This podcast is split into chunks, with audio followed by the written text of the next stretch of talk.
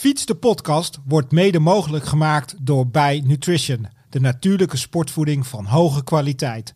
Boost your energy met Bij Nutrition.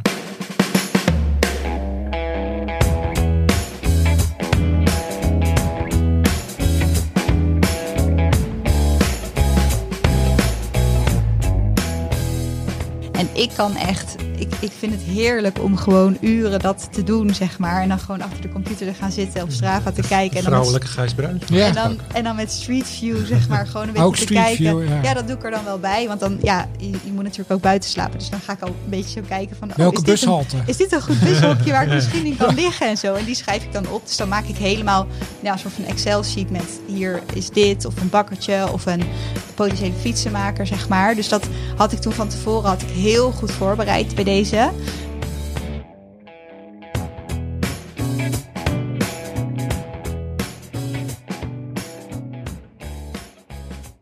Als je 100 kilometer fietsen al ver vindt, of je wil juist meer en meer, blijf dan vooral luisteren.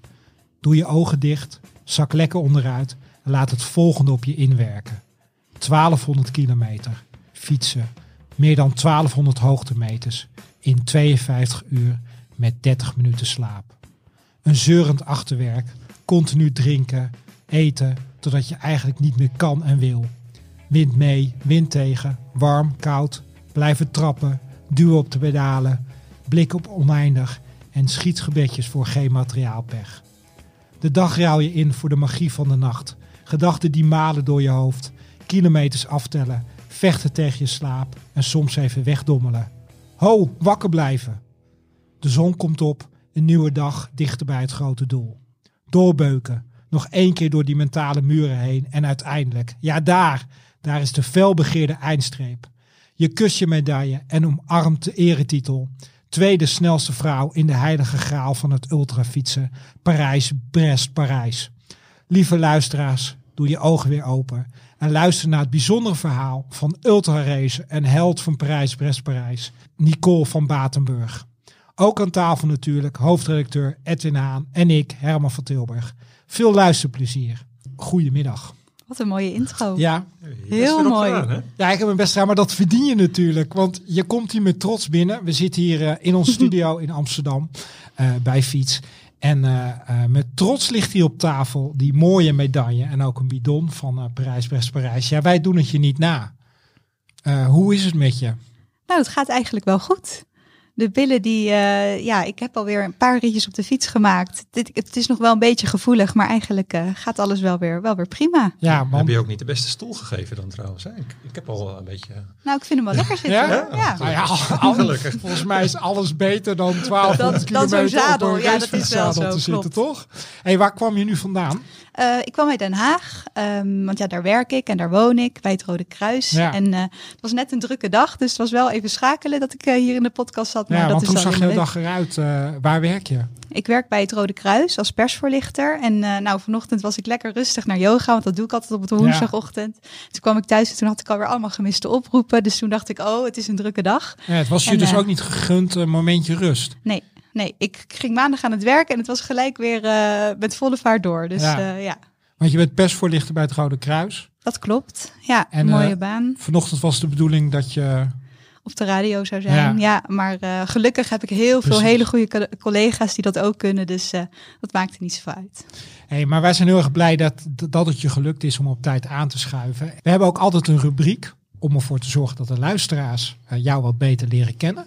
En een aantal vragen waar jij kort antwoord op mag geven. Ehm, wat is voor jou je beste ontbijt? Mijn beste ontbijt. Nou, dan denk ik toch wel havermout met banaan. Dan maak ik dan eh, de avond van tevoren al. En dan brak ik die banaan en dan doe ik er wat kaneel bij. Ehm, ja, wat nog meer. Kokosnippers, kaneel, ja, dat zei ik al.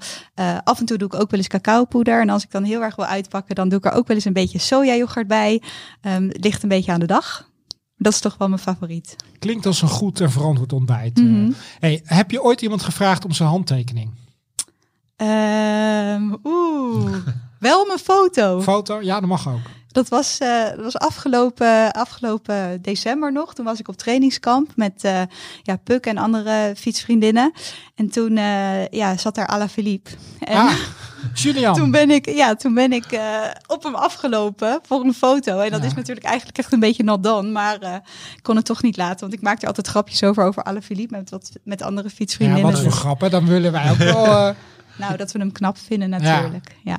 Hij is niet zo groot, hè? Nee, hij is niet groot. Daar kwamen we ook achter. In Maar hij had is hij nog kleiner nou, dan... Kijk wat het was. Het jaar daarvoor had hij al op de fiets een kushandje naar ons gegeven. Oh ja? Dus toen dacht ik, Ah, ja. dan En toen zag ik hem. Fransman. Echte Toen zag ik hem in dat café. En toen dacht ik, ja, nou, dit Ja. kan ik niet laten schieten. Hoe is een echte hij? Vond hij het, eh, vond hij prima? Nou, volgens mij eh, was hij het wel gewend. Ja. ja, waar was het trainingskamp? Eh Kalpen, Ah ja, Ja. Spanje. Spanje. Ehm, laatst bekeken film. Barbie. Ja. Ja, ja. Moeite waard? Nou, ik vond het wel een leuke film. Ja, ik, ik heb die, eh, ik had dus die, die nummers uit de film, had ik allemaal mijn playlist gezet om te luisteren Oh. tijdens Parijs-Brest. Maar uiteindelijk was ik met zoveel mensen aan het fietsen dat ik het helemaal niet heb geluisterd. Dus, eh, maar ik was wel, eh, ik vond het wel leuk. Ja, die Ryan Gosling kan ook nog goed zingen. Precies. En wat is je favoriete geur? Mijn favoriete geur. Ja, Bedoel je dan luchtje of nee, luchtje of misschien de, de eh, vers gemaaid gras. eh, ehm, munt? munt. Vind ik heel lekker.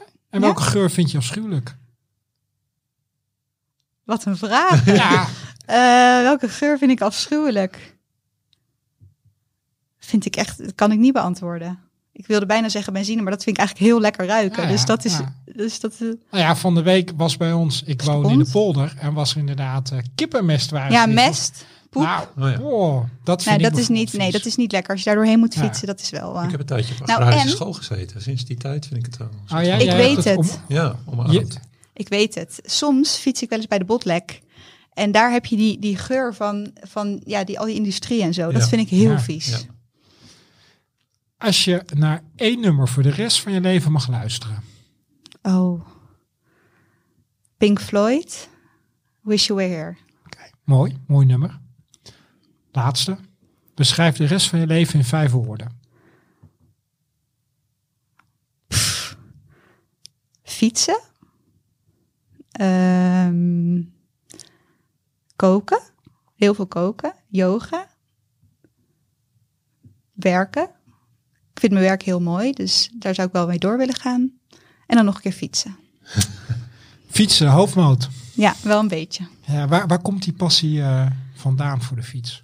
Ehm, dat is eigenlijk heel raar ontstaan, want ik had nooit gedacht dat ik ooit op een fiets terecht zou komen. Ehm, ik heb vroeger altijd gehockeyd en in mijn studententijd ben ik een beetje gaan roeien en gaan hardlopen. En ik heb nooit gedacht aan, eh, aan fietsen. Ik zat laatst nog te denken, ja, ik ben een keer naar een open dag geweest eh, bij de Universiteit Leiden. En toen vertelde iemand over wielerflits. En ik vond het zo niet boeiend. Ik dacht echt, wat is dit voor rare sport? En toen was ik dus al wel al 23. Maar toen het jaar daarna, of ja, toen ik 24 was, toen kreeg ik dus mijn racefiets voor het eerst. Want ik, had, ik was te veel aan het hardlopen, dus ik moest een alternatief zoeken. En toen had ik dus die fiets gekocht. En ik had eigenlijk echt vanaf moment één dat ik het helemaal geweldig vond. Het is echt heel spontaan gegaan. En ik had die fiets en ik ging ook gelijk vanuit Den Haag dus naar Amsterdam fietsen. Ik had niet eens even een oefenrondje gedaan of zo. Ik had wel een prima fiets gekocht. Maar ik dacht gewoon, ik vind dit helemaal het einde. Ja, ook gelijk de klikpedalen. Ja, ik had gelijk de klikpedalen. Ik dacht, ja, dat kan ik wel. Ja. Het moet toch niet zo moeilijk zijn. Dus En ik gebeurde had- het ook? Wat iedereen wat iedereen uitvallen, ja, tuurlijk. Ja. ja, en ik was ook zo niet voorbereid. Het was echt, eh, ik had gewoon mijn navigatie op mijn telefoon en zo. En ik, ik zat ook gewoon in mijn hardloopkleren op die racefiets, weet je wel. Dus ik had zo'n cube gekocht. een onderbroek aan. ja, had Dat ik is ook. niet- Niet zo Ja. lang geleden dan. Hoe, hoe lang is dat geleden? Nou, vijf, zes jaar geleden Zes jaar. ongeveer. Ja, zes Nee, jaar zes geleden. jaar kan je veel bereiken. Ja. hè? Dan kan je Ik opeens ben zes 1200 jaar. Ja, ik ben zes jaar geleden met begonnen dus met fietsen. Ja, en toen, eh, dat werd eigenlijk al na een maand, toen eh, waren mijn ouders, die waren op vakantie op Schiermonnikoog.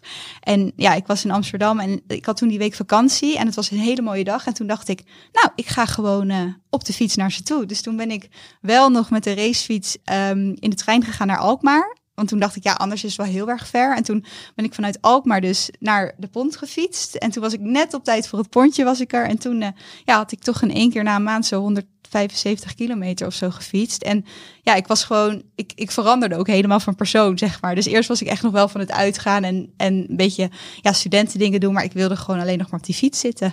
En wat, wat, wat gaf dan het gevoel eh, ja, als je op die fiets zit? Want ik bedoel, in één keer spontaan gaan fietsen. Ja, ik en denk dat ik gewoon de vrijheid heel fijn vond. Dat je gewoon niet echt ergens anders mee bezig hoeft te zijn dan alleen maar trappen. Ehm, en ik vond het ook leuk om te zien dat ik zo snel vooruit ging. Ja. Dus ik ging al best wel, ja, best wel snel steeds harder. En dat motiveerde me heel erg. Dus toen wilde ik alleen maar meer en meer fietsen. Maar ik had in mijn hoofd dat ik een beetje te snel wilde. Dus heel veel dingen die wist ik allemaal niet. Dus ik ben ook echt toen die met die rit ben ik ook echt zo volgens mij op drie bar of zo naar Schiermonnikoog gefietst. Want ik wist niet dat je een pomp moest kopen voor die bandjes en zo. Weet je wel. Hij Zo. dacht gewoon, Net als je stadsfiets. Ja, ik dacht nou maar oprecht, zo weinig Ja. wist ik van fietsen. Ik had echt nog nooit me erin verdiept. Het was echt voor mij een hele andere wereld.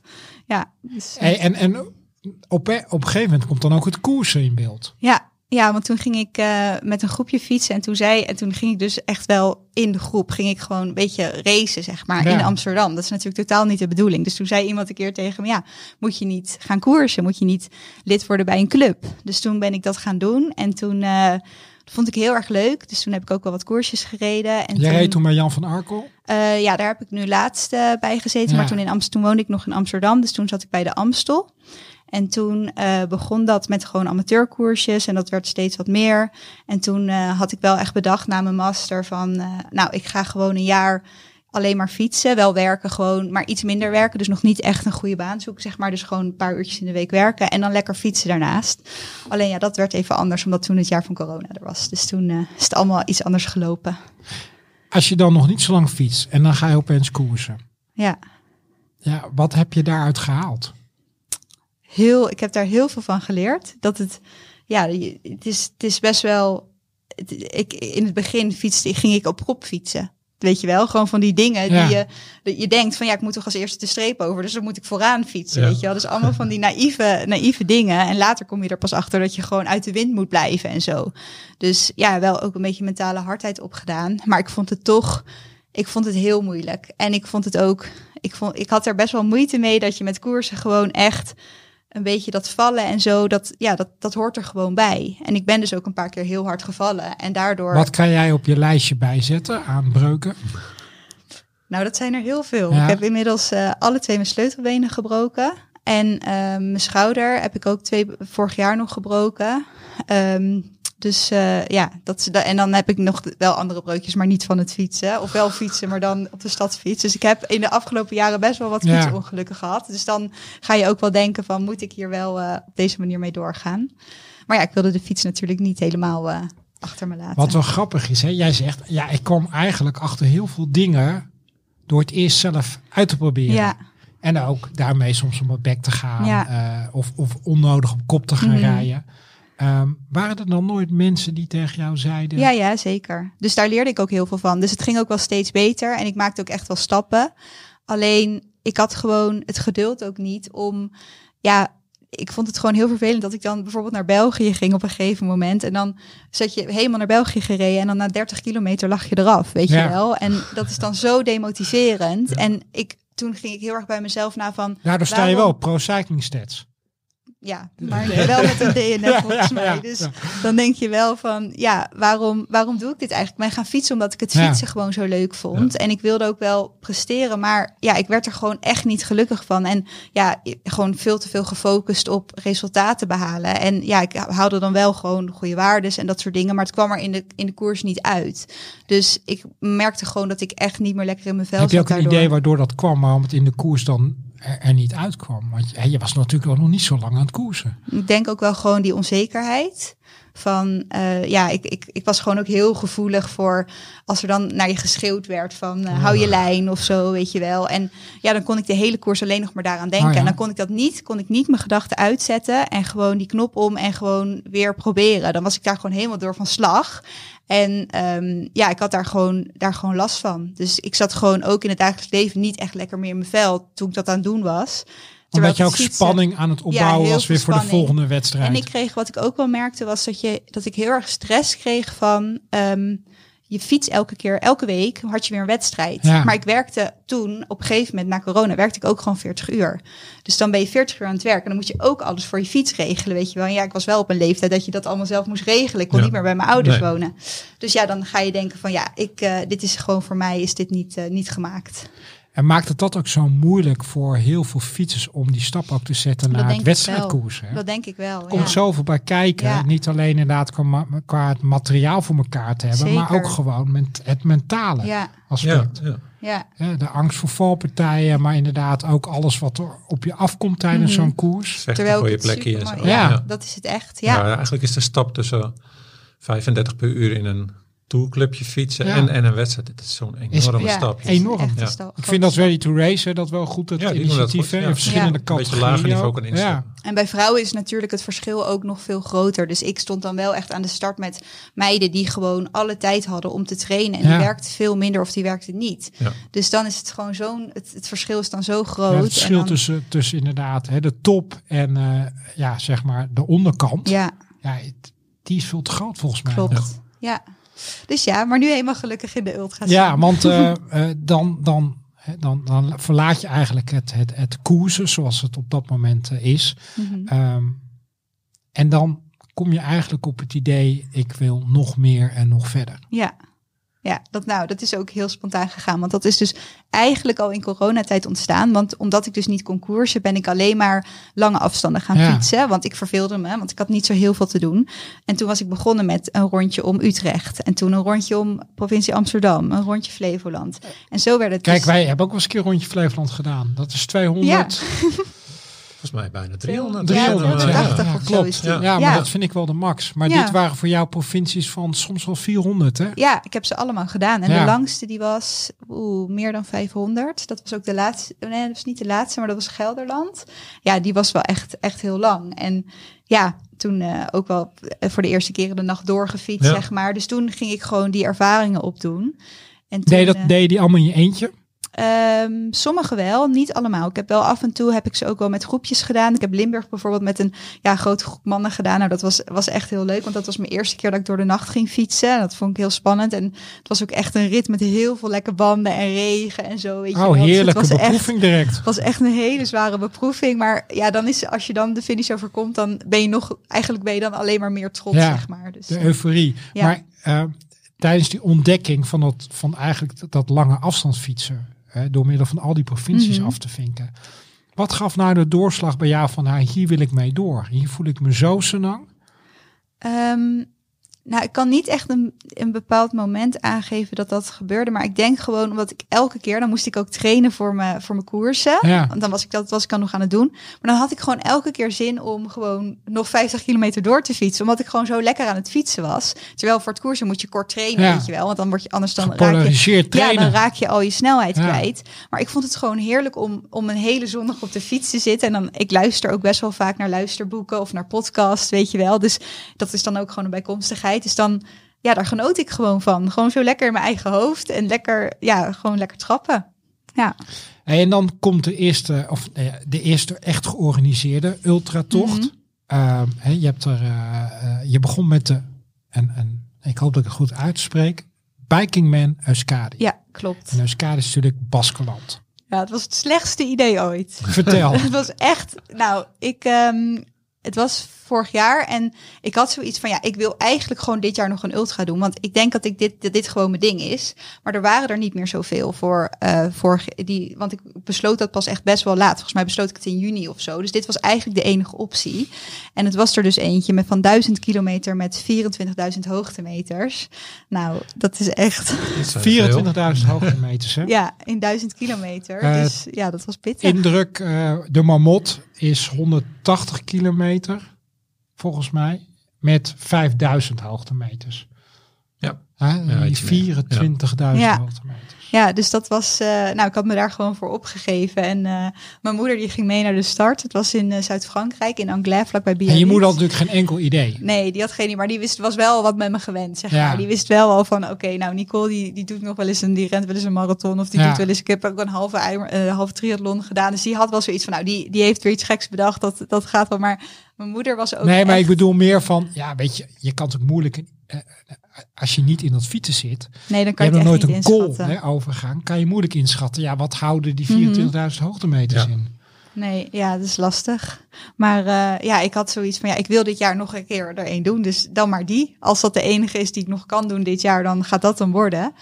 En eh, ja, uiteindelijk, ik heb er geen spijt van. Maar ik had wel dat ik dacht van, ik was er wel slecht aan toe daarna. Ik ben toen wel echt in een, echt mijn rug, ik heb heel lang pijn in mijn rug gehad. En ik was ook tijdens die ultra best wel opgezwollen geraakt. Omdat ik gewoon niet goed nog wist hoe je moest eten, drinken, zeg maar. Dus ja, daar heb ik wel. En ik heb toen heel veel lekke banden gehad. Dus ik heb toen echt, ik heb echt zeven uur stilgestaan omdat ik materiaalpech had, zeg maar. Dus ik was ook niet Zeven uur bij elkaar opgeteld of was het echt één keer zeven uur? Nee, bij elkaar Ja, ja, opgeteld. dus ik had elke keer weer een lekker band. En dan moest ik weer naar een fietsenmaker. En dan ja, de hele tijd van die dingetjes, weet je wel. Dus het liep ook niet. En dan zat ik weer huilend aan de telefoon. En dan, ja, dat was, dat was echt wel een bevalling.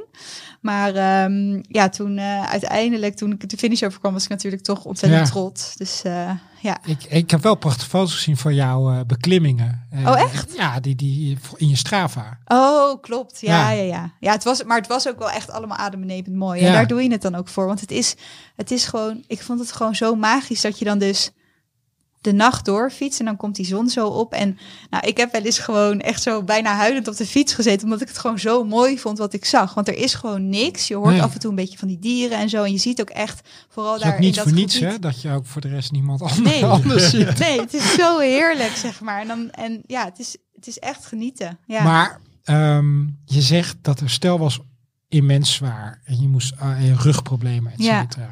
En je was ook opgezwollen. Wat Ja. moet ik me daarbij voorstellen? Ehm, nou, omdat je natuurlijk gewoon zoveel, ja, je vraagt zoveel van je Ja. lichaam. Dus ik weet niet precies wat er, wat er gebeurd was. Maar ik was gewoon, ik had waarschijnlijk te weinig gedronken of zo. Of niet goed gedronken of niet goed ge- gegeten. Ik had, ja, dus ik was niet, ik, ik had het gewoon niet helemaal goed aangepakt zelf, zeg maar. Ik had gewoon niet goed op mezelf gelet, denk ik. Dus daar was ik toen wel een beetje van geschrokken van, oké, als ik dit dus nog een keer ga doen, ja, Ja. dan neem ik die lessen mee. En ehm, ja, dan, dan zorg ik dat dat niet nog een keer Ja. gebeurt. Want daar ben ik wel heel erg, ik ben wel altijd heel erg van het evalueren van wat dan, hoe het dan is gegaan, Ja. zeg maar. En wat zei je moeder toen ze jou eh, opving bij de streep? Nou, die was wel heel trots, maar Ja. die, die zat ook wel van, van wat- is er met je aan de hand, zeg maar. Dit is niet, je zou denken van, ja, je fietst zo lang, je, je, je, ziet er alleen maar slanker uit. Maar ik was, het was echt heel gek. Het was echt, eh, het was niet, ik was gewoon niet echt lekker de finish overgekomen, zeg maar. Dus daar stond ook te juichen toen jij vertelde... nou, ik ga weer een keer doen en dan ga ik aan de Desertus Bikers? Die shirt is rijkers. Ja. Desertus Bikers. Ja. Dat is in eh, Spanje. Ja, van Zuid-Frankrijk. Was heel grappig, want het begon dus in hetzelfde dorpje als, eh, als die vorige, dus in Anglais. Ja, en die ging dus helemaal naar Zuid-Spanje. En als je die vergelijkt met die eh Bikingman Euskadi... Wat, wat had je geleerd uit de Bikingman wat je direct kon toepassen hier? Ehm, nou, beter materiaal, dat ten eerste. Dus ik had echt, eh, ik had nu echt een hele fijne fiets. Ik had eh, ja, de Liv Brava, dus dat was een gravel fiets. En ehm, er zat helemaal niet zo heel veel gravel in, maar ik voelde me gewoon op die fiets heel comfortabel. Dus Ja. dat, dat hielp al. Ik heb ook maar één keer een lekker band gehad, zeg maar. Dus ja, dat was al een hele, hele verbetering ten opzichte van die zeven van daarvoor. Scheelt zeven uur. Ja, ik zat en ik, ik voelde me gewoon veel beter voorbereid. Ik had ook echt de route, want bij deze moest je dus, en dat vond ik eigenlijk super vet, want je moest dus, je kreeg dus vier checkpoints en je moest zelf je route bouwen. En ik kan echt, ik, ik vind het heerlijk om gewoon uren dat te doen, zeg maar. En dan gewoon achter de computer te gaan zitten, op Strava te kijken. En dan Vrouwelijke Gijs Bruins. Ja. en dan, en dan met Street View, zeg maar, gewoon een beetje Ook te kijken. View, ja. ja. dat doe ik er dan wel bij. Want dan, ja, je, je moet natuurlijk ook buiten slapen. Dus dan ga ik al een beetje zo kijken van... oh, Welke is dit een- bushalte? is dit een goed bushokje waar ik misschien in kan liggen en zo. En die schrijf ik dan op. Dus dan maak ik helemaal ja, een soort van Excel-sheet met hier is dit of een bakkertje of een potentiële fietsenmaker, zeg maar. Dus dat had ik toen van tevoren had ik heel goed voorbereid bij deze. Dus ik, ja, ik zat er gewoon best wel, best wel goed in. Ja. Hey, en ehm, om even wat data, hoe lang was deze race? Zeven dagen? Ehm, Oeh, hoe lang was die? Het was 1400 nog wat kilometer. En volgens mij was het, heb ik er 4,5 dag, vijf dagen over gedaan of zo? Ja, 1400 kilometer en ik zie inderdaad bijna 70 uur. Ook Oh weer ja, met 70. 14.000 hoogtemeters. Ja, maar het was echt, het was zo mooi. Het was zo'n mooie route en ook echt door de woestijn in, eh, in Spanje en zo. Het waren echt naar het zuiden, zeg maar. Ja, ik vond het echt, ja, ik, ik, het was prachtig. Hey, en dan, eh, dan rond je die ook weer succesvol af. Mhm. Eh, en dan merk je, hey, het is de tweede, dus heb je meer ervaring, je Mhm. bent beter voorbereid, beter materiaal. Eh, en dan bedenk je, eh, oké, Parijs, Brest, Parijs. Mhm. Ehm, wij zijn niet helemaal goed thuis in, dat hele, in die hele Nee. ultra-race wereld. Ehm, als je het mensen moet uitleggen wat erbij komt kijken en hoe je kan meedoen aan die Mhm. ultra-races, hoe, hoe moet je dat aanpakken? Ja, Want er worden natuurlijk overal ter wereld eh, van alles en nog wat Ja. eh, georganiseerd. Ja, nou Parijs-Brest is wel een andere dan die andere twee die ik heb gedaan. Dus Parijs-Brest-Parijs is eentje ehm, waar je alleen aan mee mag doen als je je kwalificeert.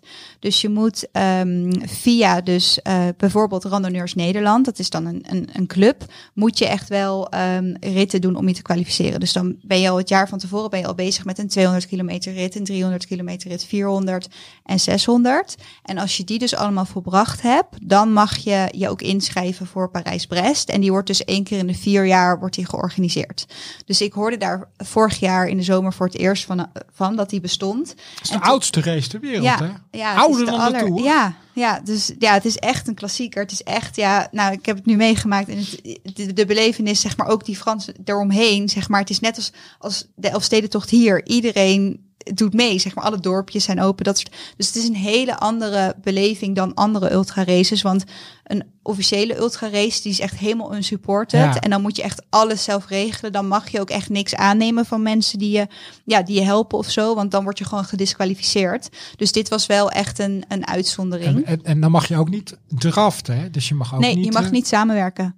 Dus die snelheid die ik in het begin van Parijs-Brest-Parijs had, die had ik natuurlijk alleen maar omdat ik gewoon in, een- in een Goeie groep zat. Ja. Ja, Dus daardoor kon ik zo goed doorfietsen. Ehm, maar dat heb je normaal echt niet. En dat mag ook echt niet. Want dan, dan, word, dan lig je er gewoon uit. Je moet, je- er zijn toch meer inschrijvers dan, eh, dan plekken, of niet? Ja, klopt. Dus je moet Is dat echt wel... eh, vrouwen anders? Dat er minder, omdat er misschien minder ja, vrouwen er zijn wel echt... Want nu hebben er ook maar iets van... Volgens mij maar 7% van de deelnemers is ja. vrouw. 6 of 7%.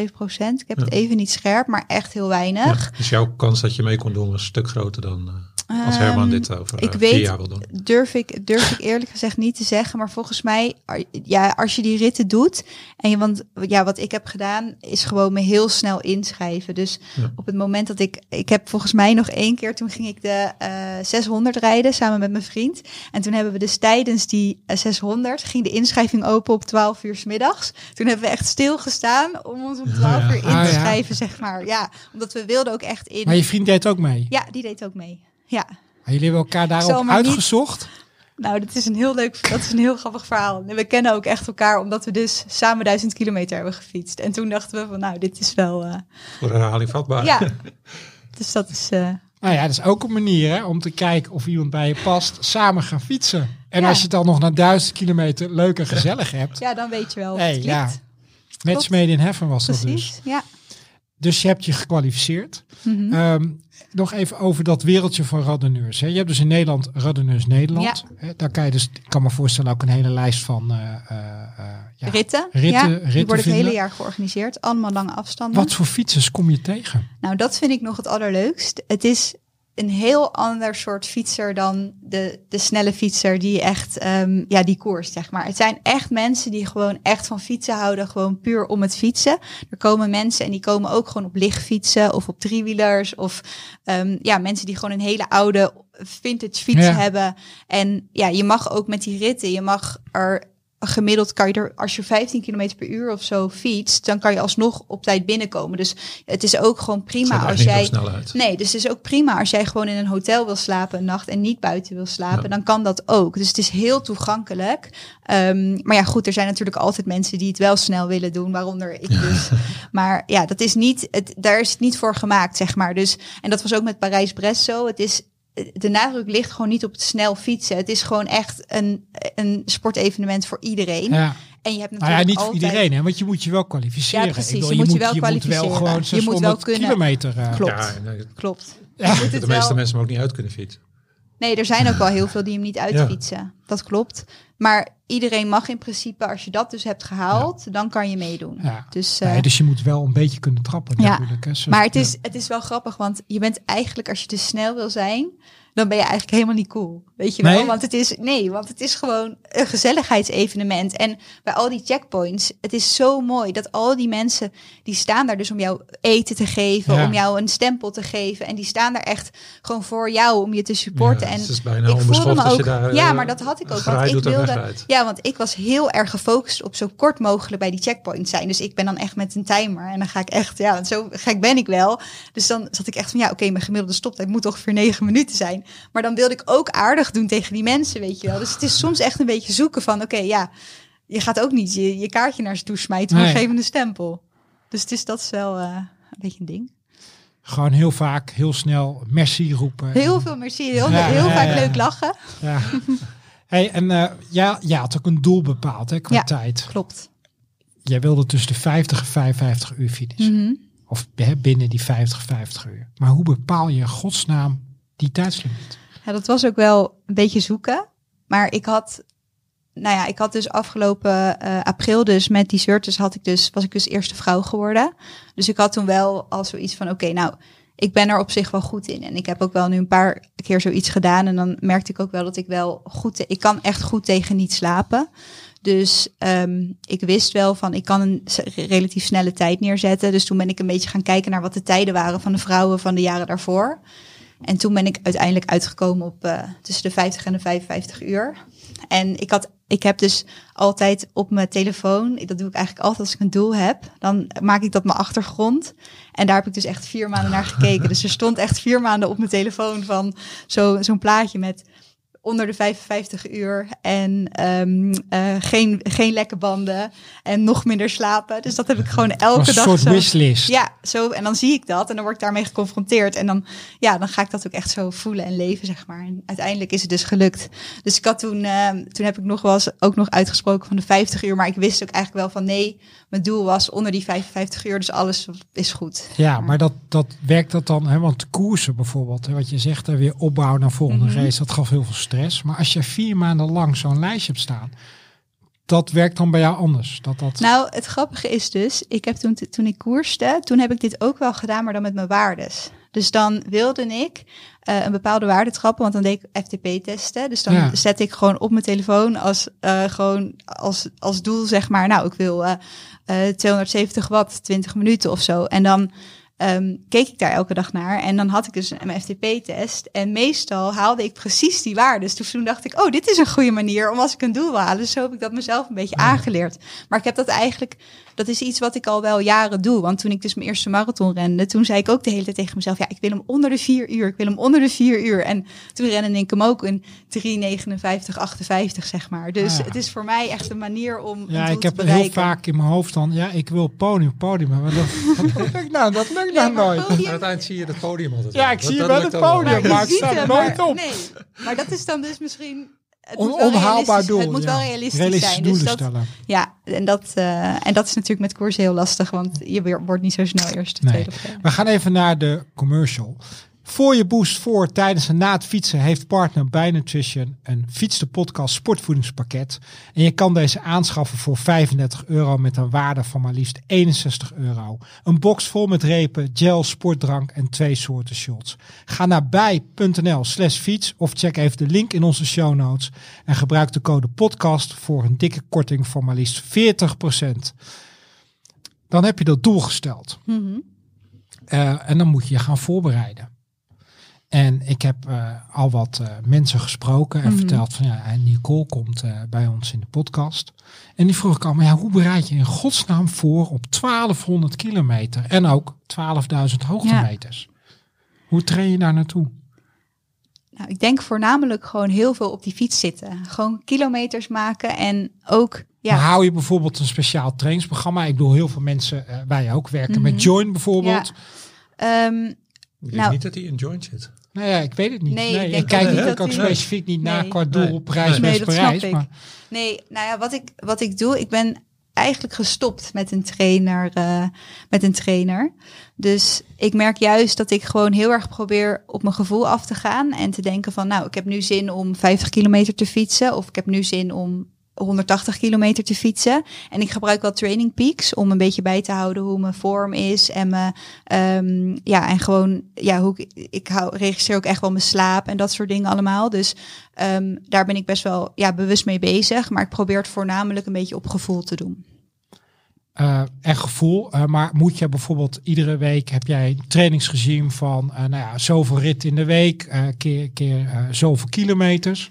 Ehm, nou, ik probeer wel meestal zo rond de 350 kilometer zit ik meestal wel op. En meestal als ik ook, want ik doe ook bijvoorbeeld best wel veel yoga, dus dat doe ik wel drie, vier keer in de week, een uur. Dus ik zit meestal qua trainingen, zit ik wel zo rond de 20 uur, zeg maar, inclusief dat. Ehm, dus ja, meestal, meestal haal ik dat wel. Moeten fietsers meer gaan yoga? Want wat, wat helpt yoga? Nou, Ehm, dan word er iets flexibeler van. En ook voor mijn rug helpt het goed. Dus ja, ik vind. ehm, ik heb ook wel een tijdje core gedaan. Elke dag deed ik dat dan 10 minuutjes. Maar ik merk nu dat ik toch. Mijn, werk is nu iets druk om dat dan ook nog te doen. Maar ja, yoga is gewoon best wel. Het is ook rustgevend. Dus ik hoef even nergens aan te denken. Bij mij, ja, door mijn werk staat mijn telefoon meestal gewoon wel rood gloeiend. En dan zet ik die gewoon even helemaal uit. En dan, ehm, ja, raak ik, ja, ben ik toch weer even aan het ontspannen. hey, en Parijs, Brest, Parijs. eh, als, je, als je eens terugkijkt in die laatste weken voor, voor het startschot. Wat Mhm. waren nou nog de grootste uitdagingen? Of waar liep je nog tegenaan? Ehm, zenuwen had ik heel erg. Eh, ook omdat ik net toen best wel weer een drukke tijd had met werk. Dus ik moest ook naar het buitenland voor mijn werk. En ik, ja, ik moest ook weer eh, een ander evenement moest ik bij zijn. Dus toen dacht ik wel van, oh nee, ik kan helemaal niet meer genoeg trainen Ja. nu. En ja, gaat dat wel goed komen? Dus ik heb eigenlijk de weken daarvoor best wel weinig gedaan. En wat is dan weinig?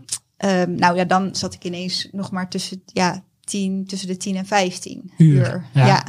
Dus dat is dan, voor mij is dat dan weinig. Nou ja, voor misschien niet voor iedereen, maar voor mij omdat ik gewend ben om dan ja, altijd toch wel zoveel op de fiets te zitten, werd het in één keer, nam het af. En ik kreeg ook ineens een beetje van die pijntjes, weet je wel, dat ik echt dacht, ja, dit heb ik normaal gesproken nooit. Dus het was denk ik ook een beetje, een beetje zenuwen. Ja. Maar ik ga dan wel goed op mijn voed, extra goed op mijn voeding letten. En ehm, ja, toch ook wel een beetje daar naartoe leven, zeg maar. Waar haal je dan je voedingsadviezen vandaan? En hoe ziet de, ja, jouw voedingspatronen dan uit in die weken voor? Ehm, nou, ik heb voornamelijk, nou ja, Tessa Neefjes, die ja, kennen jullie kennen ook. we zeker. Die kennen jullie goed. Vriend van, vriendin van de show. Nou, die heeft mij eh, best wel eh, vaak geholpen met eh, voedingsadviezen eh, en eh, zo. gravelprof Ja. hè, voor eh Ja, Liv zeker. Benelux Offroad Team. Ja, ja, dus we zijn nu een soort van teamgenootjes. Niet Ja. echt, maar we rijden wel op dezelfde fiets. Dus dat is ontzettend leuk. Eh, maar van haar heb ik heel erg, heel erg veel geleerd. Dus ik heb best wel veel in coronatijd met haar gefietst. Toen eh, gingen we best wel vaak naar Limburg en zo. En dan vertelde zij mij best wel veel over voeding. En ik, heb, ik merk gewoon dat ik dat nog steeds wel ehm, ja, met me meeneem. En ik vind het ook best wel leuk om boeken te lezen of ja, dingen te lezen over voeding. Ehm, dus die probeer ik soms ook toe te passen. En soms werkt iets wel en soms werkt iets niet. Dus ehm, ja, ik eet bijvoorbeeld geen vlees, maar ik heb ook wel eens periodes en dan probeer ik vegan te eten. Ja. Maar ja, dan merk ik weer dat ik ineens een beetje slap. Ja, en eiwitten, hoe krijg je die dan? Weet je wel, dus het is altijd een beetje zoeken, maar ik vind dat ook wel weer, ook wel weer leuk. En we gaan zo meteen naar de race. Eh, maar voordat we dat doen, we hebben natuurlijk weer een, een mooie prijs. En eh, we hebben een toepasselijke vraag eh, rondom het ultra racen. En die staat ook nog op het lijstje van, van jou. Wat is de start- en finishplaats van Race Around the Netherlands? Dus wat is de start- en finishplaats van Race Around the Netherlands? En je kan winnen een eh, prachtig paar raceschoenen van Udok. De Udok Chima roadschoen. En het eh, antwoord kan je mailen naar podcast.fiets.nl. Hey, en dan is de grote dag. Mhm. Dan sta je klaar. Eh, Ja. wat voor tijd? 's Ochtends, Vier uur 's middags. vier uur 's middags. Ja, vond ik heel vervelend. Want dan zit je de hele dag zit je daar Tegenaan nog tegenop. teken. Ja, dus je hebt liever natuurlijk gewoon zeven uur 's ochtends Ja. of zo. Maar eh, ja, toch vier uur 's middags. En neem ons Ja. dan mee naar de start. Ehm, wat heb je aan en wat heb je bij je? Ehm, nou, ik had mijn, eh, mijn mooie liftpakje aan, Ja. paars pakje. En eh, ik had ook eh, een mooi logo van mijn fietsenmaker, Leeuwen Tweewielers. Die heeft mij echt super goed geholpen. Ook nog op het Shout-out moment. Leo. Ja, op het laatste moment moest ik nog even andere banden op mijn fiets, weet je wel. Nou, dat regelt Wat voor banden zitten erop? Qua, qua bandbreedte. Ik had eh Continental, had Ja. ik 5000 en dan 28 mm. Ja. Ja, dus dat is gewoon eh, ontzettend, ja, ontzettend prettig om Ja. zo'n lang stuk op te rijden.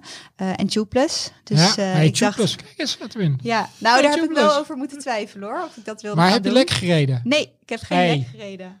1200 kilometer. Jij bent geen, eh geen Nou, we hebben eens een eerder uitzending over gemaakt. En Oh. ik, ben, ik, ik ben ook heel erg boos. Ik rij mijn racefiets ook met tubeless. Oh ja. ja, nee, maar de meningen zijn er natuurlijk De ook meningen verdeeld. zijn al verdeeld. Ja, nee, ik heb er ook wel pech mee gehad is hoor. Dus, eh, maar goed, ja, weet je, alles beter dan zeven lekker banden. Ja. En, eh, dus ik was heel erg blij met, eh, met mijn tubeless banden.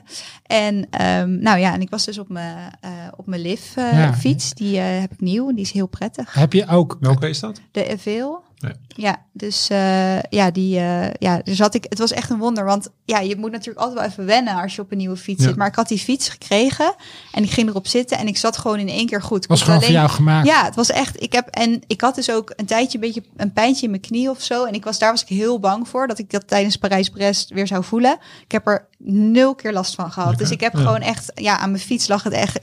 Heeft het ook echt niet gelegen. Dus daar was ik echt heel blij om.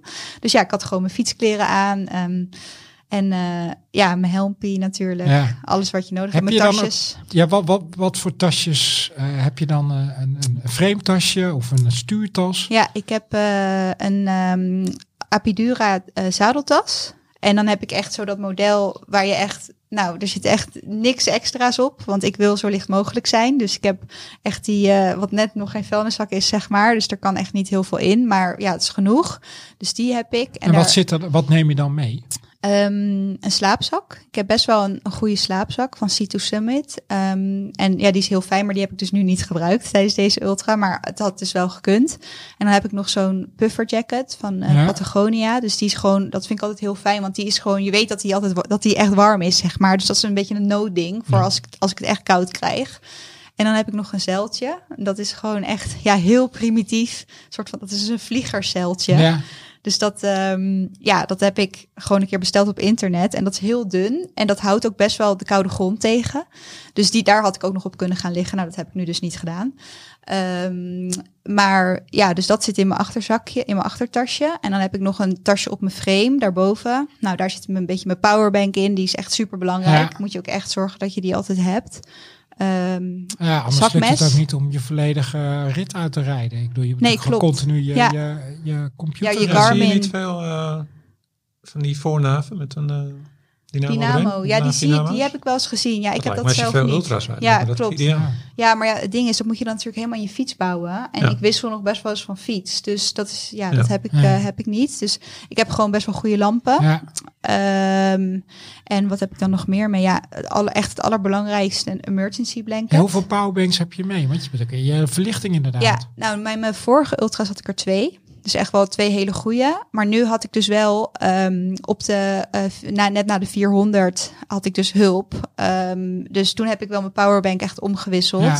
En toen heb ik ook nieuw eten gekregen. Dus dat was wel, maar dat gebeurt natuurlijk tijdens een andere ultratocht gebeurt dat nooit. Dan moet je het allemaal zelf van tevoren Ja. meenemen. Dat is nu de luxe natuurlijk, dat, dat op een aantal plekken... Klopt. eh, Ja, en wij hadden dat dus op twee punten. Dus dat was wel echt heel, eh, heel fijn. Dus toen, ja, ook ja, heel erg bedankt aan, aan Dommel dat hij daar stond. Ja. Dus eh, ja, want dat is gewoon heel prettig. En wat voor fietscomputer gebruik je? Een Garmin, ja. En die gaat ook echt wel lang mee. Ik, eh, ja, ik heb wel die met touchscreen, vind ik eigenlijk een beetje vervelend. Ik zou liever Oh ja, een eh, ja. eentje zonder willen. Want ja, dit is nog wel eens met de regen dat hij dan niet helemaal lekker werkt.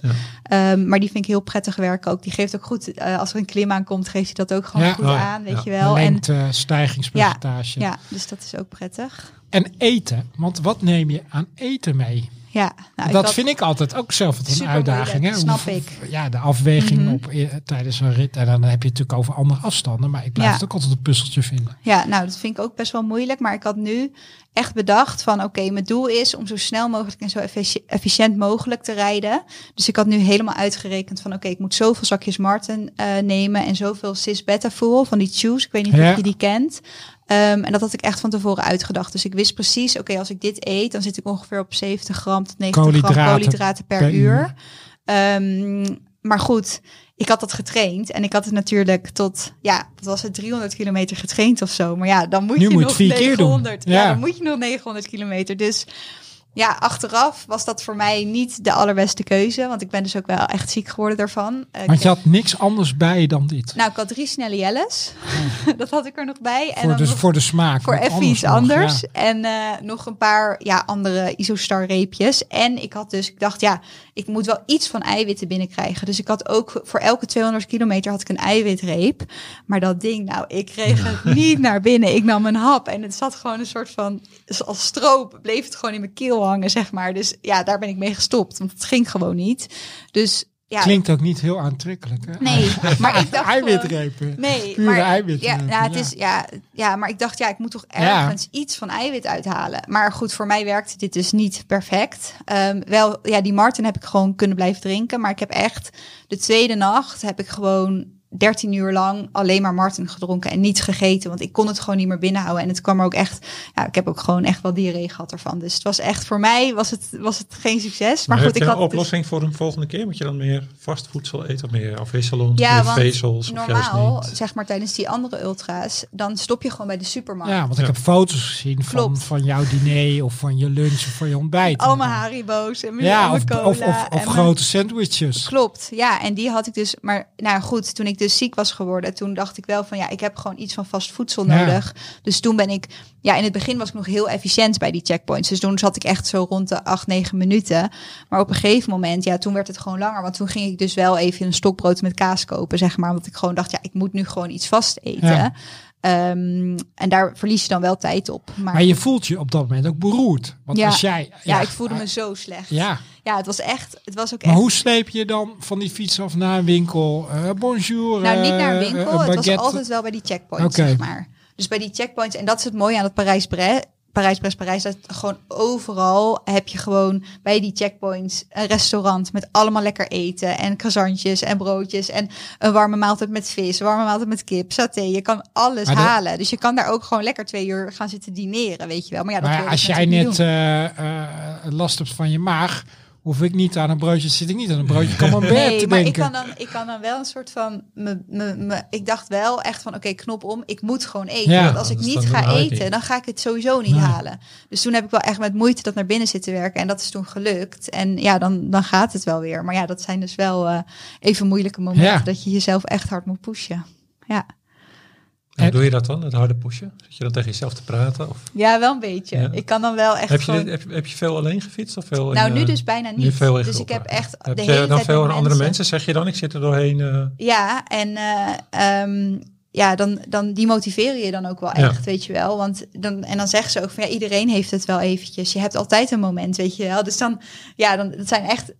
Ik had het er ook over met mijn huisgenoot van het is eigenlijk zo bijna een beetje ongezond dat je dus je, je zegt van ja, je, je moet gewoon door je pijn heen of zo. En andere mensen in dat e- event doen dat ook. Terwijl het is eigenlijk helemaal natuurlijk geen gezonde manier van leven. Want in het dagelijks leven, als je pijn hebt, moet je gewoon Rust. stoppen en rust nemen. Dus het is best wel, ja, soms denk ik ook wel van het is niet de meest eh, veilige sport of zo. want je pusht jezelf wel echt. En ook met dat niet slapen, weet je wel. Dus het is, het is wel iets, je moet wel echt goed naar je lichaam luisteren en weten van oké, ja, maar nu... kan je dat? Ik bedoel, kan je dat nog? Ben je nog in staat, hè, als je inderdaad, eh, wat jij zegt, hè, je moet een aantal keer de bosjes in. Drie keren Ja, drie keer Ja, ben ik wel keer. uit de groep gegaan. en misselijk. Kan Ja. voor dat je misselijk Ja. is.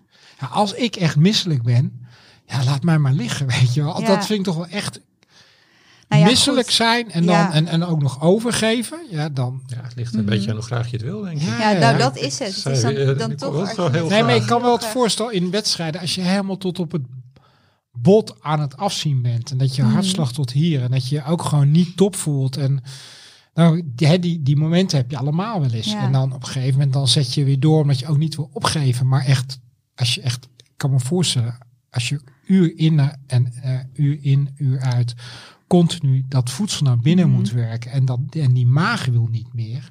Ja, hoe Ja. deal je daar mentaal mee? Nou ja, op een gegeven moment, op ik denk ook altijd wel van, ja, na regen komt altijd weer zonneschijn. Het wordt altijd wel weer een keertje beter, zeg Ja. maar. Dus en dan, al is het maar een heel klein beetje beter, het is toch alweer beter dan Ja. vijf minuten ervoor. Dus dan, ja, soms moet je de tijd gewoon even laten verstrijken.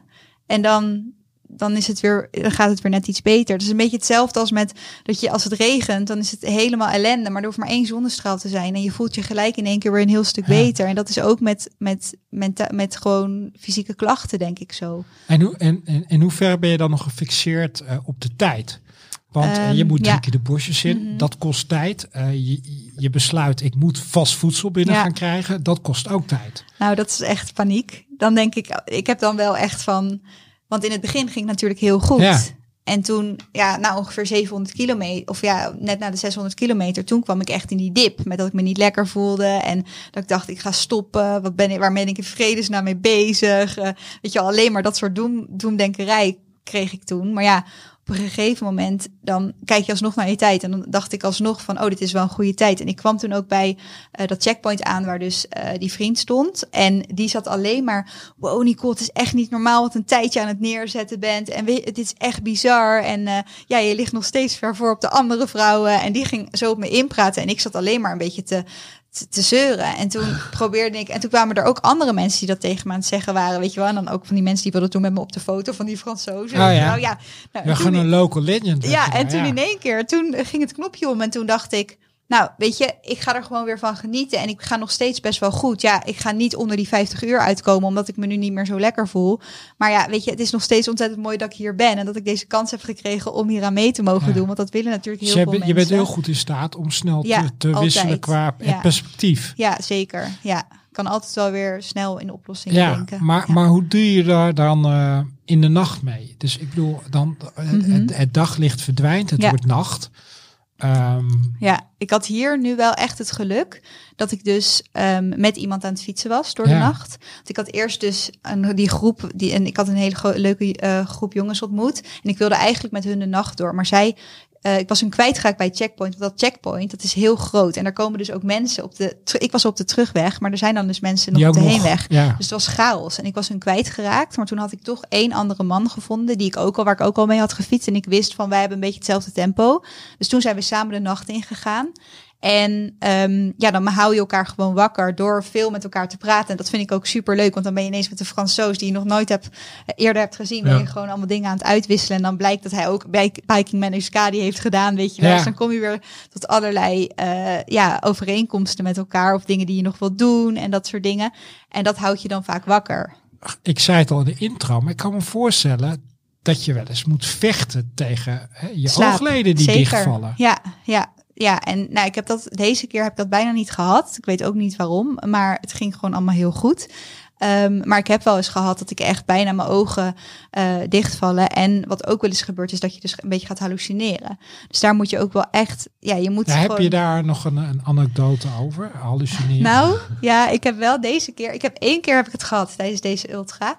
Of ja, tijdens dit evenement. Ehm, ik ben in de, eh, in de Alpen geweest een maand geleden. En dan, ja, dat was dus de Col de Isoire Ja. en al die, die klimmen daar. En dat was vlakbij Briançon. Ik weet niet of je dat Mhm. gebied kent. Maar ik had dus, ik zag dus op de bordjes, de verkeersbordjes, zag ik dus bijvoorbeeld Briançon staan. dus ik had een soort van error in mijn hoofd van, huh? Ja. ben ik nou in de Alpen of waar ben ik nou, weet je wel? Dus dat ik echt even zo, oh nee, wacht, ik ben nu met Parijs-Brest-Parijs bezig. Nee, dit is, dat was twee weken geleden. Dus dat is wel gebeurd.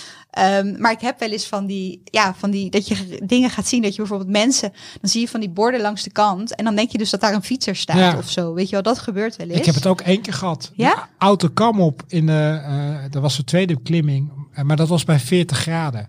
Ja, nou dan kan je ja. Ja? Ja, dat dacht ik dat er echt ook allemaal mensen aan de kant stonden Ja. die aan het aanmoedigen waren. Ja. Ik zei ook tegen die andere fietsvriend, heb je ook al die mensen gezien? Nee. Zeg, er was niemand anders, behalve wij twee Ja, maar dat is toch gek? op het midden Het van... wordt Ja. zo echt. Ja. Ja, dat is best gevaarlijk. Ja, nou dat is dus gevaarlijk. En dan Ja. ben ik wel echt van, oké, ik moet wel opletten. En als dat gebeurt, dan ga ik ook wel denken van oké, ik ga binnenkort Ja. even slapen. Dus nu had ik, was ik met die man en die man die op een gegeven moment, hij trok het echt niet meer. Ik zag hem echt een beetje van links naar Ja, rechts slingeren. gaan en slingeren. En nou, dan zei ik tegen hem, ja, harder fietsen. Want als je harder gaat fietsen, Ja, dan word je blijf je, wakker, word je wakker. Maar hij kon niet meer. Dus op een gegeven moment waren we toen in een dorpje. En toen, nou, dan ga je even zoeken en zo. En toen zag ik een soort van, ja, steegje of zo. En toen dacht ik, nou, daar kunnen we wel even, even gaan liggen. Nou, en ik dacht, ja, het wordt een powernap van 30 minuten. Nou, ik zat... Ik Maar hoe, hoe, leg, hoe leg je dat dan uit? Ja, Tegen die ander Nee, maar die hij aan het was, zwo- ja, maar hij was ook heel fanatiek. Dus hij had ook wel zoiets van, we gaan, we gaan gewoon hier even slapen. En hij wilde ook niet langer dan 30 minuten.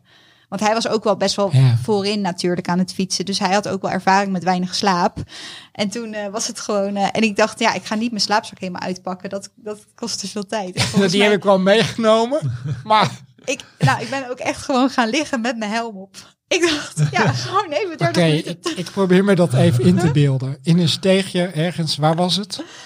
Ja, op de, ik denk rond de 900 kilometer. Nou, rond de zo. 900 kilometer. Je moet nog eh, 300 kilometer in een steegje ergens Frankrijk. Midden in de nacht. In je fietskleding. Met je helm op, Ja. fietskleding. En waar, waar, waar lig je dan op? Op dat... eh, op dat Op dat emergency blanket, Ja. dat ding. Want ja, dat kost natuurlijk niet zoveel tijd. Want dat is gewoon, dat zit gewoon in zo'n in zo'n plastic Ja. zakje. En dat heb je zo uitgepakt. En dat sla je om je heen. En dan ga je even liggen. En het was ook helemaal niet koud. Dus dat scheelde ook wel. Dus ik had wel mijn beenwarmers even aangedaan. En ehm, armwarmers. En, maar verder, ja, ik dacht gewoon, ik, ik gebruik gewoon Nou, dan ben je al vijf dat. minuten verder. Dus had je nog 25 minuten effectief Nee, over. ik mocht wel 30 Ah, oké. minuten. En dan zet je je alarm op je telefoon ja, of zo? zet ik altijd alarm op mijn telefoon. En dan word je Dat- ook wakker na een half Ja, uur. Ik zou dan ik gewoon er- steeds lang niet wakker worden. Nee, maar dan zet ik er wel ook echt drie. Want Ja. ik ben dan wel altijd heel bang dat, het, eh, dat ik niet wakker Ja. word. Dus eh, ik heb dan wel, dan heb ik wel gewoon echt drie wekkers gezet. maar kan je dan ook... Heb je dan echt, echt even een moment dat je even weg bent? Ja, en dat vind ik dus het fascinerende daaraan. Want ik voel me dan, na zo'n 30 minuten powernap, voel ik me gewoon ook echt veel beter. Dus dan denk ik van, ja, het, het doet, het heeft echt effect om gewoon heel Nee, eventjes... kijk, eh, powernap sowieso. Hè? Ik bedoel, Mhm. eh, ja, dat heeft effect. Ik bedoel, dat kennen we allemaal wel. Eh, Maar als je al zoveel uur aan het fietsen bent en dat lichaam is aardig uitgeput. uitgeput, ja. Ja, Zelfs dan? op dat zadel gaan zitten dan. Dat En dan is moet je, wel, nou, eh, dat is dan wel Ja. echt, als je Ja, dan hè, weer dat zadel op moet. Nee, Ja. dat is wel echt huilen. Dan zit je wel echt, ja, dan stap je op en dan heb je wel echt de eerste tien minuten dat je denkt, waar ben ik Ja. mee bezig? Ja. Ik wil nu gewoon thuis in Ja. mijn bed liggen, weet je wel. Ja, Ja. daar moet je dan wel echt even doorheen.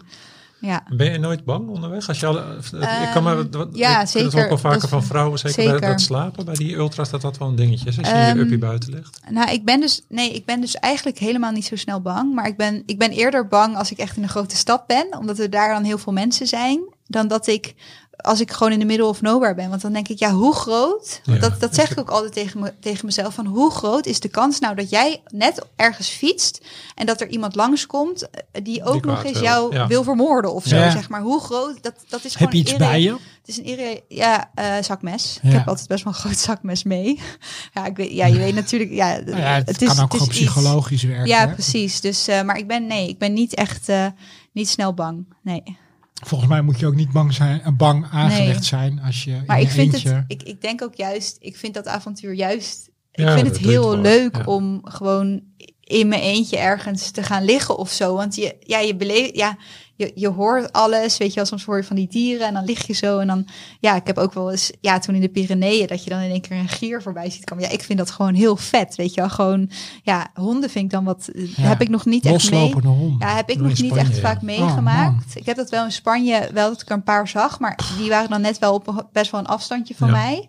Maar ja, ik hoor wel, je hoort soms wel eens verhalen dat ik heb dat het op dus. vakantie ook nog mee. Echt? Ja, ja, honden een drama. in Spanje. En waar hadden ze ook echt aangevallen? Nee, gelukkig niet. Maar wel dat ze opeens eh, loskomen Ja. en gaan rennen. Ja, ja, dat is dus wel iets waar ik bang voor ben. Want dat gaat natuurlijk een keer gebeuren. Ja. Maar ja, dat eh, nog maar even niet aan denken. Nee. Hey, en dan, eh, dan zit je samen weer op de fiets. Je hebt 30 minuten mogen slapen. Mhm. Dan moet je nog zo'n 400 kilometer. Wat zijn dan de eerste zinnen die dan weer uitspreekt naar elkaar? Van, wat hebben we lekker geslapen. Heb je nog gedroomd? Ja, ehm, nou ja, dan is het toch wel echt gewoon weer een beetje ja, proberen het gesprek aan, aan te gaan. En het was natuurlijk ook wel, het was een Fransman, dus ja, het Ja. Engels was wel goed, maar het was niet vlekkeloos, zeg maar. Dus het is dan, zeker als je moe bent. je hebt nog wel de beste het- Fransman uitgekozen die tenminste nog- wat Engels ja, kon. dus dan wordt het, is het soms wel lastig om te communiceren. Maar ja, we hadden, we probeerden gewoon een beetje over. Je gaat soms ook een beetje over werk praten Ja. en over ervaringen en over ook gewoon tips uitwisselen, weet je wel. Dus hij kwam met een hele goede tip om. eh, ik wist dus dat je in Nederland bijvoorbeeld een waterkaart hebt, die kan je in je Garmin zetten. Dat wist ik, maar die heb je dus blijkbaar ook gewoon voor internationaal. Nou, dat heb ik weer even geleerd van hem, weet Ja. je wel. Dus dat is dan wel leuk dat je dat soort dingen kan Hoeveel water uitwisselen. heb jij bij je onderweg? Ehm, ik heb twee flessen eh, van 750 met Martin en dan nog één bidon met water. Want ik heb wel, dat is ook wel echt iets wat ik dus geleerd heb. Want ik ben één keer ook wel echt ziek geworden dat ik echt moest overgeven. En toen had ik dus alleen maar Martin in mijn Oh, bidons. je niet nou, daar word je Ja. echt niet vrolijk Nee. van. Nee, dus eh, ja. Hey, en ehm, wanneer had je het mentaal het allermoeilijkst? Ehm, nou, ik denk dus bijna op het einde. Dat ik echt bijna, dat je als je als de finish in zicht komt, toen was ik dus wel met echt die, die gasten die ik had ontmoet, Mhm. want die had ik dus de laatste ochtend ontmoet en ja, daar had ik gewoon een goede klik mee en zo. En op een gegeven moment, ik kreeg zoveel pijn in mijn billen en ik voelde gewoon dat het helemaal open lag. Ja, En het was ook heel warm die laatste dag, dus ik keek ook, ik heb ook de temperatuur op mijn Garmin. Er stond gewoon op een gegeven moment stond er gewoon 36 graden. ja dat is warm. Dat En dat is dan echt heet. En ehm, er was, het was ook echt een open vlakte, zeg maar. Helemaal geen bomen en geen beschutting meer. Dus je was ook nog eens in de volle zon aan het fietsen. En ik hoefde toen echt nog maar iets van 140 kilometer of zo. Maar toen dacht ik echt, ik wil niet meer. Ik ben Ja. er helemaal klaar mee. En een van die jongens, een Spanjaard, en die was echt, die was eigenlijk gewoon bikkelhard. Maar die zei, je bent de hele tijd vrolijk geweest. Het was de hele tijd leuk. En in één keer is het omgeslagen. Waar slaat dit nou weer op? En die ging echt een beetje zo op me inpraten. En ja, dat had hij gedaan. En toen een, een, uur later, toen was ik eigenlijk, ging het wel weer. Maar toen dacht ik echt van, ja, nu stop ik ermee. En toen heb ik ook echt, en dat doe ik niet zo snel. Ik doe niet zo snel als er dan mensen bij zijn dat ik dan moet huilen. Maar ik moest gewoon huilen van de pijn, omdat ik zoveel pijn in mijn billen had.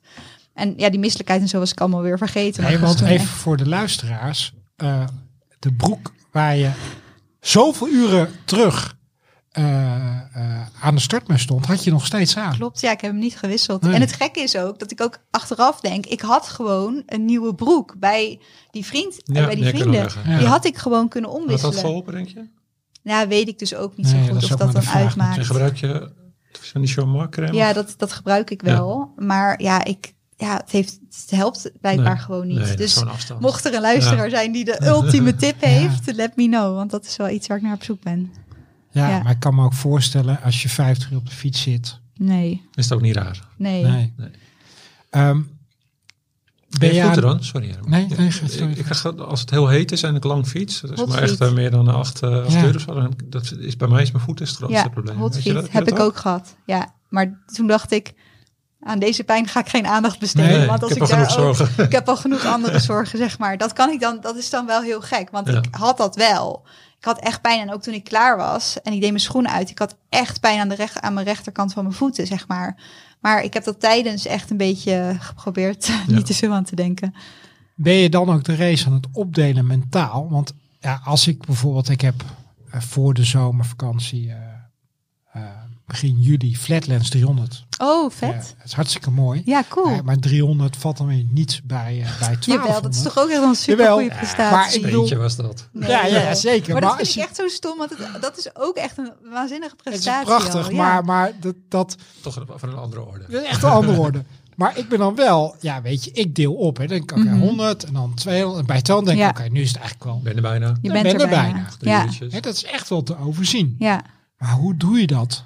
Bij Ehm. 1200 kilometer. Hoe ga je mentaal, hoe deel jij dat op? Ja, ik zat aan het te denken, want jij zei toen, eh, je zwaarste moment was Ja, toen ik er bijna was, 140. maar toen moest je nog 140. Ja, je rijdt iets meer is- boven de 20 gemiddeld volgens mij. ja, maar dat is Dus toen je nog 7 uur fietsen.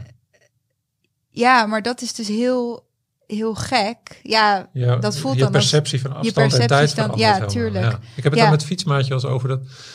Ja, ik fiets al eh, meer dan 40 jaar, maar Mhm. vroeger vond ik zeg maar 50 kilometer best een end. Ja. Als je net begint, vind je Ja, 50 kilometer een end. zeker. En we hebben het nu wel eens over dat als we nog 50 moeten, dan ben ik, oh, zijn er bijna. ja, maar dat is toch raar? Dat is heel raar, maar, dat is ook echt iets voor fietsers. Ja, maar Als je heb- met niet-fietsers praat, vinden ze 50 Ja, in de auto al best een stuk. Ja, zeker. Klopt. Maar het grappige is, met hardlopen, toen ik nog veel, veel hard liep, had ik het ook. Dus als ik dan 10 kilometer ging rennen, dan vond ik dan ja, bij 8 kilometer, dan denk ik, ik ben er bijna Ja. of zo. En dan als je dan denk je naar 20 kilometer gaat, dan Denk je dat bij het is- 16. Ja, het Ja. is heel, heel apart Ja. hoe, dat, eh, hoe dat werkt.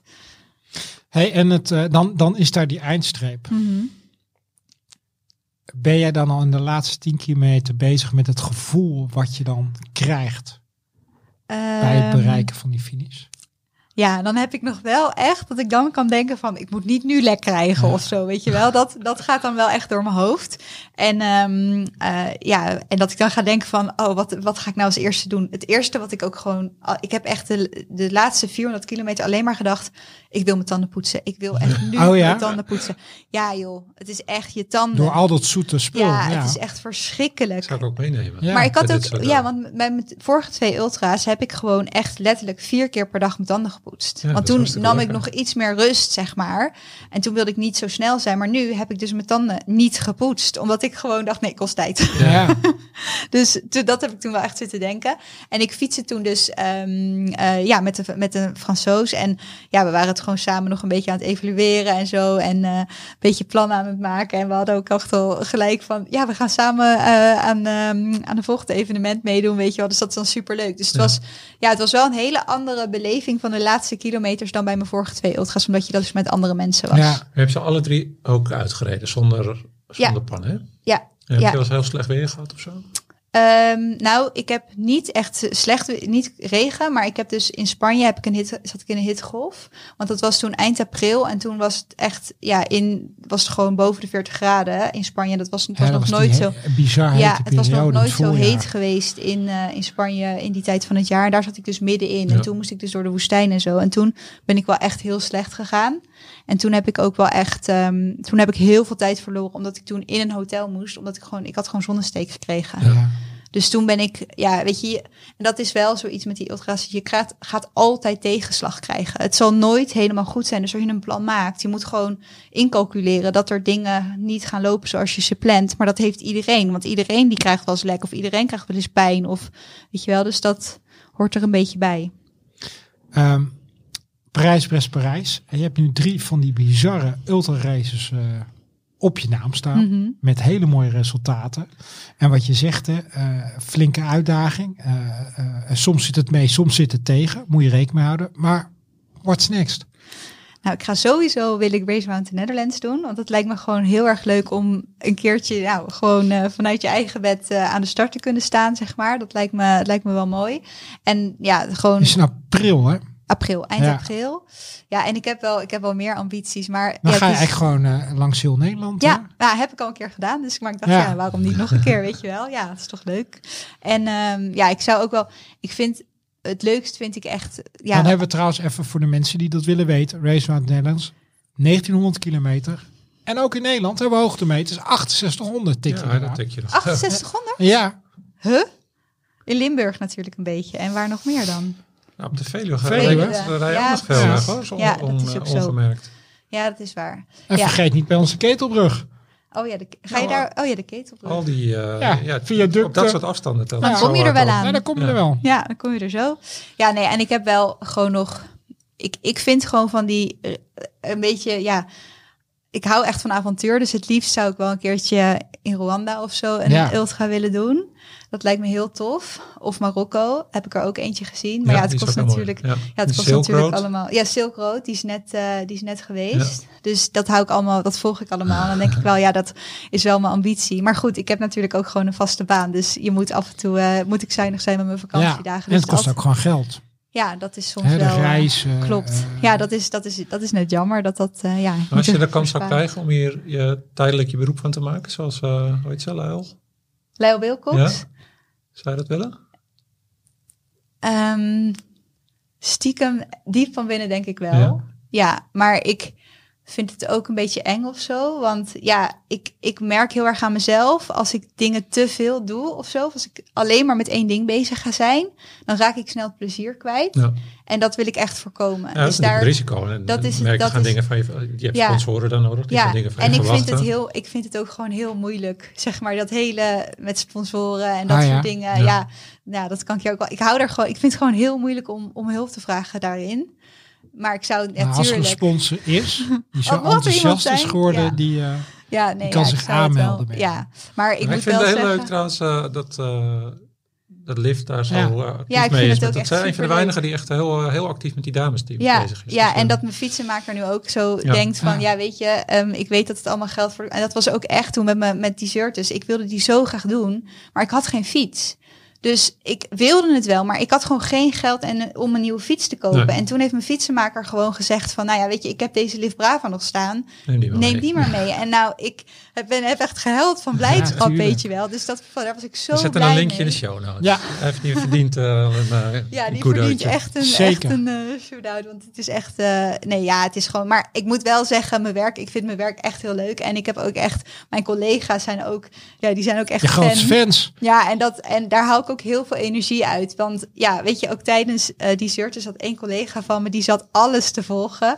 En eh, nou, ja, hij heet Bastiaan. En hij was echt gewoon... Dan was hij aan het sturen. Ja, je krijgt nu een hele zware weg. Dus let op, weet je wel. En hij fietst zelf niet, maar hij ging gewoon helemaal mee. Oh, en, ik, en, dat, en ik vind het ook gewoon heel erg leuk om met mensen om te gaan die niet fietsen. Want ja, die, ja, die inspireer je dan ook, zeg maar. Ja. En ik vind het ook gewoon super dat er collega's zijn die dan een rondje met me willen fietsen, weet je wel. Dus dan kan, heb je ook nog andere dingen om over te praten. En ik ben heel bang dat ik, als ik dat niet meer zou hebben, dat ik het dan gewoon niet meer leuk zou vinden. Want ik, ik hou gewoon heel erg van mijn werk. Dus eh, ja.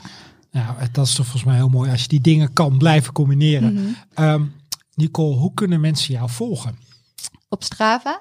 Ja, Ehm, gewoon Nicole van Batenburg. Klopt. Ja, meestal post ik doen. Ja, Leuk. Schande dat ik dat nog niet doe. hè.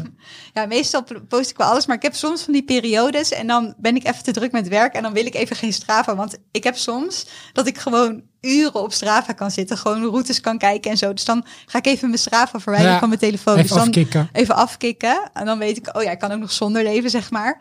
Ehm, dus daar en op Instagram. Instagram. En gewoon op jouw naam zoeken Nicole van Ja, Batenburg. en dan vind je me wel. Ja, Ehm, twee, weer volgen erbij. leuk. Precies. Ehm, ga haar volgen. Ehm, Ik ga even kijken hoeveel kilometers al gefietst heeft dit jaar. Ik denk dat jij verliest. Zijn er, Ik zijn er stiekem, stiekem zijn het, zie je er wel minder dan dat het er zijn. Omdat ik dus soms niet nou, doe alles eens gooi om en Ik zit erbij. nu ongeveer op de 14.000 of zo dit jaar. 14.000 kilometer. Ik zit nu op de helft. Nou, super Zeven- prestatie Nou, toch? 7000. Nou, ik vind het knap. Ja, ik vind het super knap. Maar ik vind het sowieso, weet je, ik vind het al zo goed als mensen gewoon die fiets opstappen. Exact. Want het is, ja, het is natuurlijk, ja, het is ook wel een soort van overwinning voor jezelf als je gewoon weer een rondje hebt gefietst, weet je wel. En ja, het is, het is gewoon heel bevrijdend en ook goed voor mensen om het te doen. Dus ik denk altijd maar zo, ja, mijn vader die heeft stelt dan ook altijd een fiets doen, maar ik ben altijd al trots als ik weer een rondje met een fiets, dan denk ik, nou, dit is toch alweer. En weer samen gedaan. Ja, afgelopen, wanneer was het? Zondag nog. Ja. Dat zijn toch ook mooie dingen. En volgens mij ook een hele mooie om daarmee af te sluiten. Nou, je hebt eh, Nicole twee fans erbij. Nou, heel erg bedankt. Ja, bedankt voor de uitnodiging. Echt superleuk dat ik, eh, dat ik langs mag komen. Ja, echt eh, geweldig. Dit was Fiets de Podcast, aflevering 52 met Nicole van Batenburg. Dank voor het luisteren en abonneer je op Fiets de Podcast via je Favo podcast app. Besteed een minuutje aan een review, want zo zijn we makkelijker te vinden voor andere fietsliefhebbers. Vragen of opmerkingen van harte welkom op podcast.fiets.nl. Tot de volgende Fiets de Podcast en blijf fietsen!